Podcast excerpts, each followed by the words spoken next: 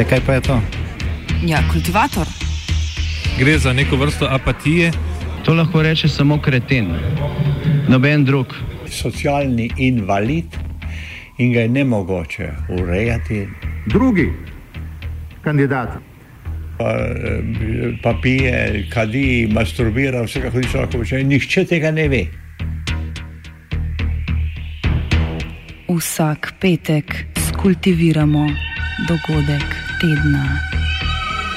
Lahko po kriterijih radio študent, težko pa po evropskih kriterijih. Ampak na drug način, kot vi to mislite. Kultivator vedno užge. Da pač nekdo sploh omenja probleme, ki so, in da pravzaprav sploh nekdo sproži dogajanje uh, v družbi.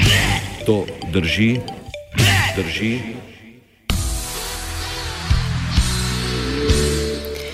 Korupcija je stanje duha. V nedeljo 26. marca so po skoraj 100 ruskih mestih potekali protikorupcijski shodi.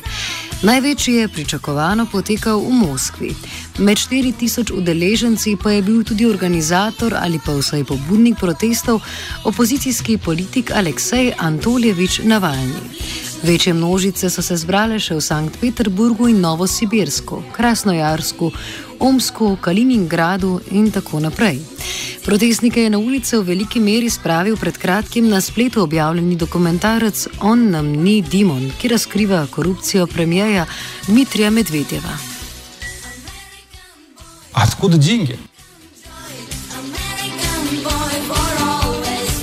On nam ni Dimon, objavljen 2. marca na YouTube kanalu Alekseja Navalnija, je dokumentarec o posestih ruskega predsednika vlade Dimitrija Anatoljeviča Medvedjeva doma in v tujini in je rezultat dela neprofitne organizacije Protikorupcijski fond, krajše FBK.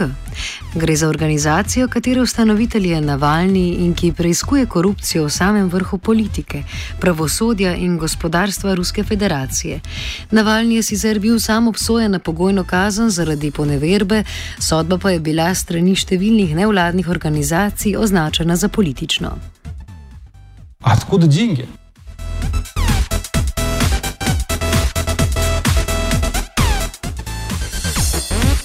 Dokument Dokumentarec On nam ni Dimon, Dimon je ljubkovalna oblika imena Dimitri. Je do konca meseca zbral slabih 17 milijonov ogledov, v 50 minutah pa navalni predstavi zapleten sistem povezav in lasniških struktur podjetij, ki si lastijo številne nepremičnine. Vse pa vodijo do nekdanjega predsednika države in aktualnega premijeja ter predsednika največje stranke, enotna Rusija Medvedjeva.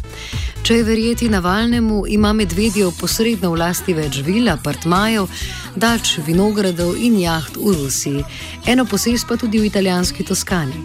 Dokumentarec Navalni zaključi s pozivom gledalcem naj ga podprejo v kandidaturi za predsednika republike čez eno leto. Odkud denarje?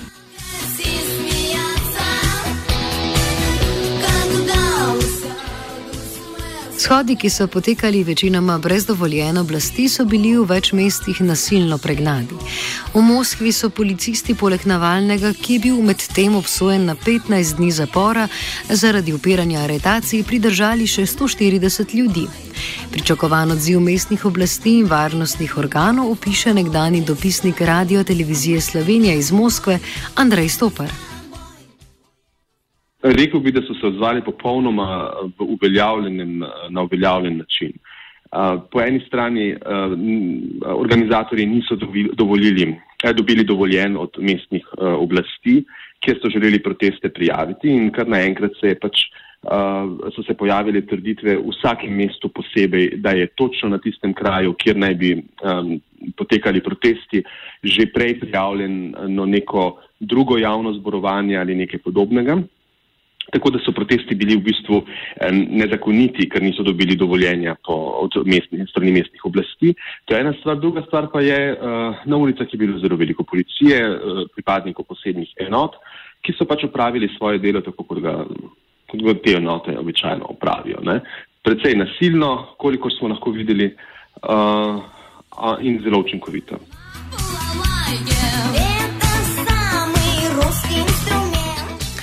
Odziv Združenih držav Amerike in Evropske unije, ki so ruske oblasti pozvale k takojšnji izpustitvi zapornikov, je končno zbudilo tudi reakcijo predsednika Vladimirja Vladimiroviča Putina.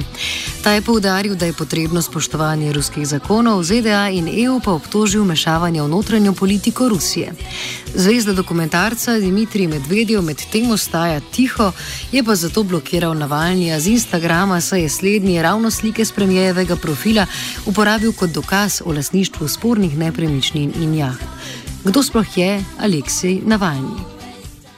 Aleksej Navalni je pravnik po izobrazbi, je človek, ki, ki je začel v poslovnem svetu, pa v tem ni bil preveč uspešen, kar nekaj njegovih podjetij je bilo na koncu likvidiranih.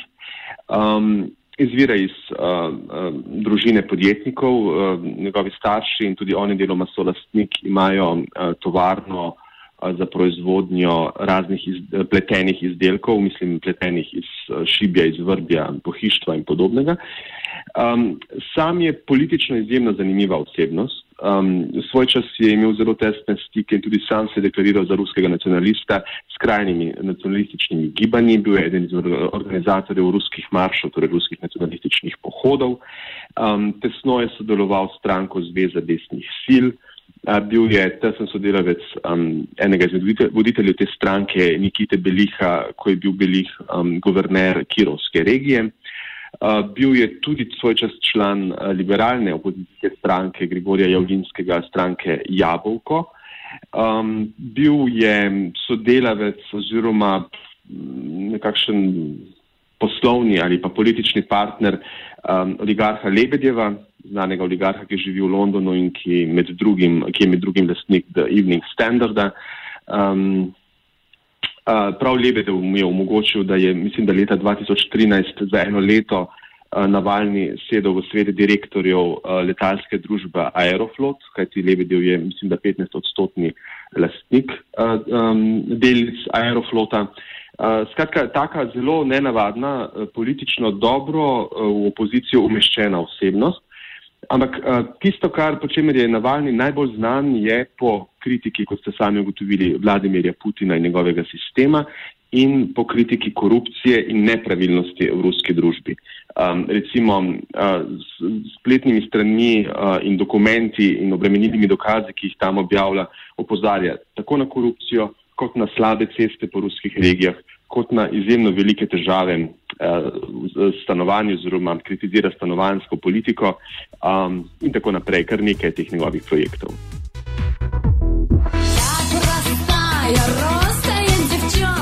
Zadnje večje demonstracije so potekale leta 2011, ko so se na ulicah večjih mest zbrale množice, ki so protestirale proti domnevnim kršitvam v izvedbi parlamentarnih volitev. Takratni val nezadovoljstva je Navalni izkoristil dve leti kasneje na lokalnih volitvah v Moskvi. Na podoben scenarij pa upa tudi naslednje leto na predsedniških volitvah. Za razliko od 2011 je tokrat demografska slika protestnikov bistveno drugačna ki gre predvsem za urbano gibanje. To, to drži. Res je, da so tokrat protestniki mlajši, kot so bili prej. Leta 2011 so na ulico šli predstavniki uh, srednjega sloja, uh, torej že uveljavljeni ne, uh, ljudje, ki so svoj, svoje življenje si že ustvarili, že uspeli, kar pomeni, da gre tudi za neko tudi srednjo generacijo, ne najmlajše. Ne. Uh, jaz bi to uh, mladost tokratnih protestnikov predvsem povezal s prej omenjeno politično konsolidacijo um, v, v Rusiji po, po ukrajinski krizi. Namreč um, mladina je bolj neobremenjena in tudi preprosto manj, manj ve in želi si neke ne vem, drugačne morda prihodnosti, bolj neobremenjeno izraža uh, nezadovoljstvo z živl svojim življenjem kot pa ljudje, ki zelo dobro vedo, koliko lahko izgubijo prav v ozračju, kakršnem je danes v Rusiji. Eh, zato me, če, so, če me presenet, osebno presenetila množičnost uh, teh um, protestov, me ni presenetila uh, demografska struktura. Ta je pričakovana.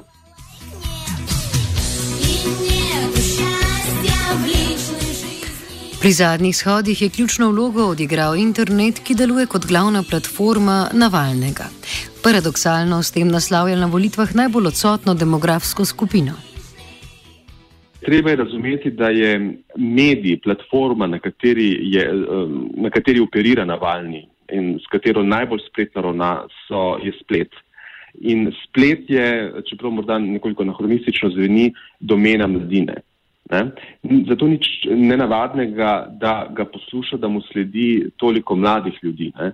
Obenem pa je tudi res, da Navalni išče druge poti do večinskega prebivalstva, ki spleta ne uporablja tako intenzivno ali pa ga sploh ne uporablja in osnovo, um, osnovne informacije črpa pravzaprav iz um, televizije. Ampak da, je, da ima resne politične namene, kaže že, kaže že za, zadnje županske volitve v Moskvi, uh, kjer je Navalni kandidiral uh, in je celo prišel na drugo mesto za trenutnim um, županom Sabjaninom, mislim, da je dosegel, če se ne motim, več kot 25 odstotno podporo, kar je zelo veliko za rusko prestolnico in napovedal je seveda kandidaturo na predsedniške volitvah prihodnje leto.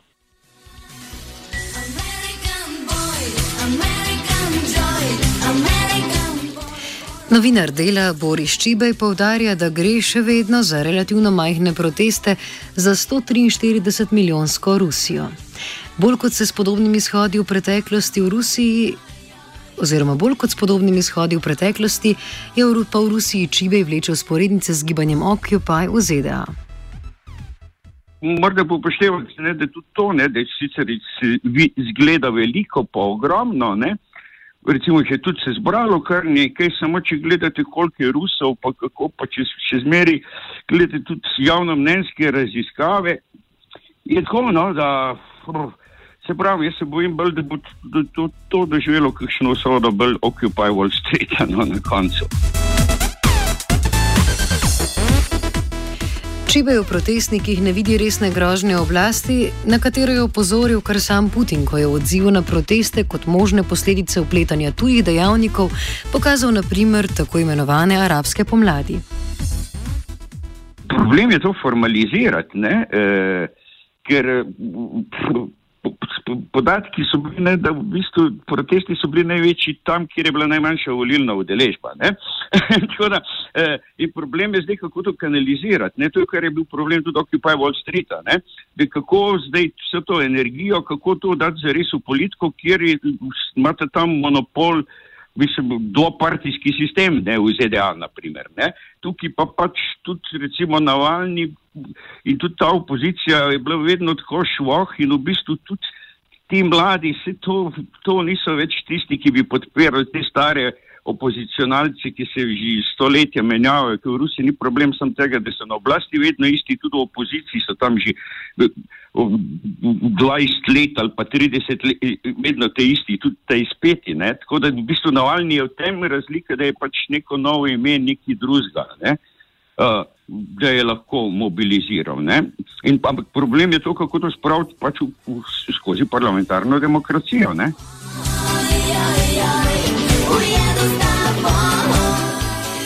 Podoben pogled na rusko opozicijo deli tudi Stopar.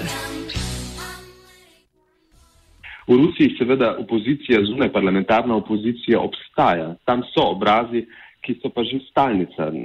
Razen seveda pokojni Nemcov, njega so ubili, on je bil eden izmed pač takih vidnih eh, opozicijskih politikov, ampak tudi pri njem so se vsi spraševali, kolikšen je njegov dejanski vpliv, kolikšna je njegova dejanska, eh, dejanska moč. Ampak eh, tukaj so opozicijski politiki, ki seveda niso nikamor šli in ki še zmeraj upravljajo svoje delo, so pa Uh, so pa pač njihova usoda, je, je pač usoda zunaj parlamentarne opozicije v Rusiji in v tem trenutku ne vidi nikakršne možnosti, da se bo to uh, v nekem, nekem doglednem času spremenilo. O protestih so pričakovano molčali državni mediji. Kakšno pa je bilo sicer poročanje o medijih, pove Stoper. tista peščica medijev, ki predstavlja opozicijske poglede, uh, seveda izdatno pokriva, poroča in govori o tem dogajanju, tako kot, tako kot uh, to počne vse čas in je kritična do politike Kremlja, ampak se pravi, po ukrajinskih dogodkih um, se je diapazon teh medijev nekoliko skrčil. Um, v ruski javnosti je izrazit že, že, že prej, to je pravzaprav stalnica, del ruske, ruske politične kulture, da zmeraj iščejo zunanjega sovražnika in ga krivijo za marsikaj, uh, kar je povsem notrne politične ali pa notrne gospodarske narave. In, in ta prijem je zdaj zelo okrepljen. Um, če, če živite v Rusiji, imate občutek, da uh, je v svet naperjen proti vam in, in da vam pač nekaj hoče. Ne? In v takšnem ozračju je zelo težko kritično govoriti o politiki države, ker, ker je ta posameznik ali pa so te skupine takoj označene za izdajalce, za sovražnike, za peto kolono ali kaj podobnega. Ne? In v takšnem ozračju je um, drugačno mnenje um, težko ali pa tvegano ali pa nevarno oblikovati. Ampak vendarle seveda v Rusiji obstajajo tudi takšni mediji, še zmeraj so, um, jih je pa manj oziroma zaradi te že omenjene nekajkrat konsolidacije javnega mnenja ne, um, tudi ne, jim tudi nekoliko manj ljudi prisluhne. Kljub opoziciji, ne nujno prijaznem okolju, pa Čivaj povdarja, da so protesti vseeno dobili svoje mesto v dnevnem časopisju. Televizije z tega niso imele, razen pač ta opozicijski dež, ne, djošt, uh, ampak uh, tudi zanimivo je bilo gledati recimo kakšne te uh, resne uradne časnike, kot je izvestija, ne, kako so to vse spustili. Sam so pa vsi ostali vedomosti, njihov Financial Times, recimo, potem komersant, njihovo, kako rekel, delo, recimo, pa so boljši kot delo, uh, recimo, pa vsi njihovi tabloidi so pa naro poročali, se so tudi njihove novinarje tam priprli, ne kljub temu, da so bili novinari in so imeli prekrasne reportaže. Tako da, recimo, Yellow Press se temu absolutno ni izognil. Ne?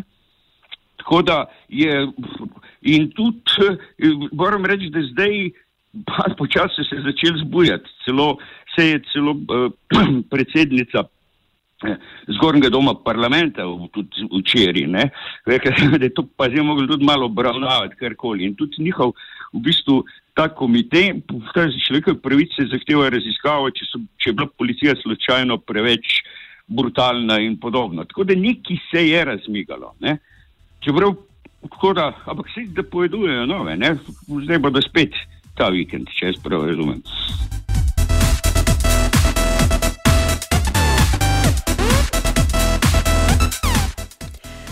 Stopar meni, da ni na ključe, da so protesti potekali ravno zdaj. Leto dni pred predsedniškimi volitvami je dober čas za začetek kampanje Navalnega, a dejstvo ostaja, da močan faktor igrajo tudi vedno prisotne notranje politične težave Rusije. Rusija je še zmeraj tačna sankcije in te sankcije imajo gospodarske posledice. Uh, ruske regije so izrazito neenakomerno razvite, kar pomeni, da so v mnogih regijah uh, socialne stiske zelo hude uh, in ljudje so nezadovoljni in to nezadovoljstvo na nek način izražajo. Izražali so zdaj torej, torej s temi s temi množičnimi protesti. Res pa je, da so sankcije, da je mednarodna izolacija strani Zahoda Rusije po Krimu in po um, nemirni vzhodni Ukrajini um, pripeljala do neke notranje konsolidacije političnega uh, mnenja uh, in podpore Kremlju v Rusiji sami. In zaradi tega je pravzaprav morda nekoliko nenavadno, da je toliko ljudi šlo na ulice.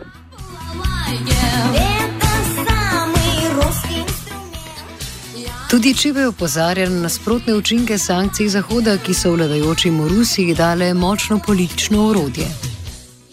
Zanimivo je to, no, kar, kar pa ni propaganda, je, da v bistvu so e, s svojimi protivkrepi uspeli razviti cele sektorje gospodarstva, ki je bilo prej zanemarjeno. Ne? Zaradi tega, ker se jim pač ni splačalo, ker so pač bile cene iz Evropske unije kmetijskih izdelkov, mogoče to knjiže, da se jim ni splačalo pridel, pridelovati. Ne? Zdaj, ko so povedali sankcije, jim je po kmetijstvu, mislim, iz unga prej, ko so mogli uvažati, so, so začeli zdaj izvažati uh, stvari. Tako da so v bistvu na nek način izkoristili te naše sankcije za to, da so pač se okrepili? Vse je, vse, vse mislim, ta glupi zahod, ne, mislim, se, Rasmussen, ne vem, je danes ali včeraj govori ta bivši šef tega velikega NATO, ne, da kako v bistvu sankcije so bile potrebne, ampak da je njihov učinek je bil pa to, da je zgolj okrepil Putina. Kljub vsemu govoru o politični konsolidaciji, pa ta vendarle ne more nadomestiti izpada prihodka zaradi nižjih cen energentov in sankcij. So pa določene denarne težave, uh, likvidnostne težave včasih pri katerih podjetjih. Uh, plače so, so se precej občutno, kot mi pravijo, uh, znižale. Um, in podobno, tako se čuti pravzaprav kriza. Ampak ponavljam, Rusija je pač energetska država, ne glede na padec cen, energe, cen energentov, pač so energenti še zmeraj ključni in je, ostaja močna izvoznica energentov in iz tega pač črpa uh, dovolj sredstev, da sistem nekako vzdržuje, čeprav pač posledice so vidne in, in jih je težko zanikati. Ne? Ampak Uh, škodoželjneži čakajo, da se bo ta sistem enkrat sesul in, in, in da se bo pač pokazala prava danljivost ruskega gospodarstva. Je pa zadeva prevelika, uh, ima premočne te energe, energetske temelje, uh, hkrati pa še nekaj pač zelo pomembno. Uh, ruski ljudje, ne? ruski ljudje so navajeni um, drugačnih življenjskih standardov, kot smo jih navajeni recimo v Evropi in so tudi navajeni potrpeti in um, njihov vrednostni sistem in nacionalni značaj sta predvsej drugačna in mogoče za poprečnega evropejca teže razumljiva. Ne? Ampak omogočata pa uh, eno izjemno trpežnost in uh, tudi tukaj pravzaprav lahko iščemo predvsej vzrokov, zakaj uh, um, te uh, gospodarske težave niso tako apokaliptične, kot bi marsikdo pravzaprav pričakoval. Kultiviral je Antun Zlatkovič Katalinov.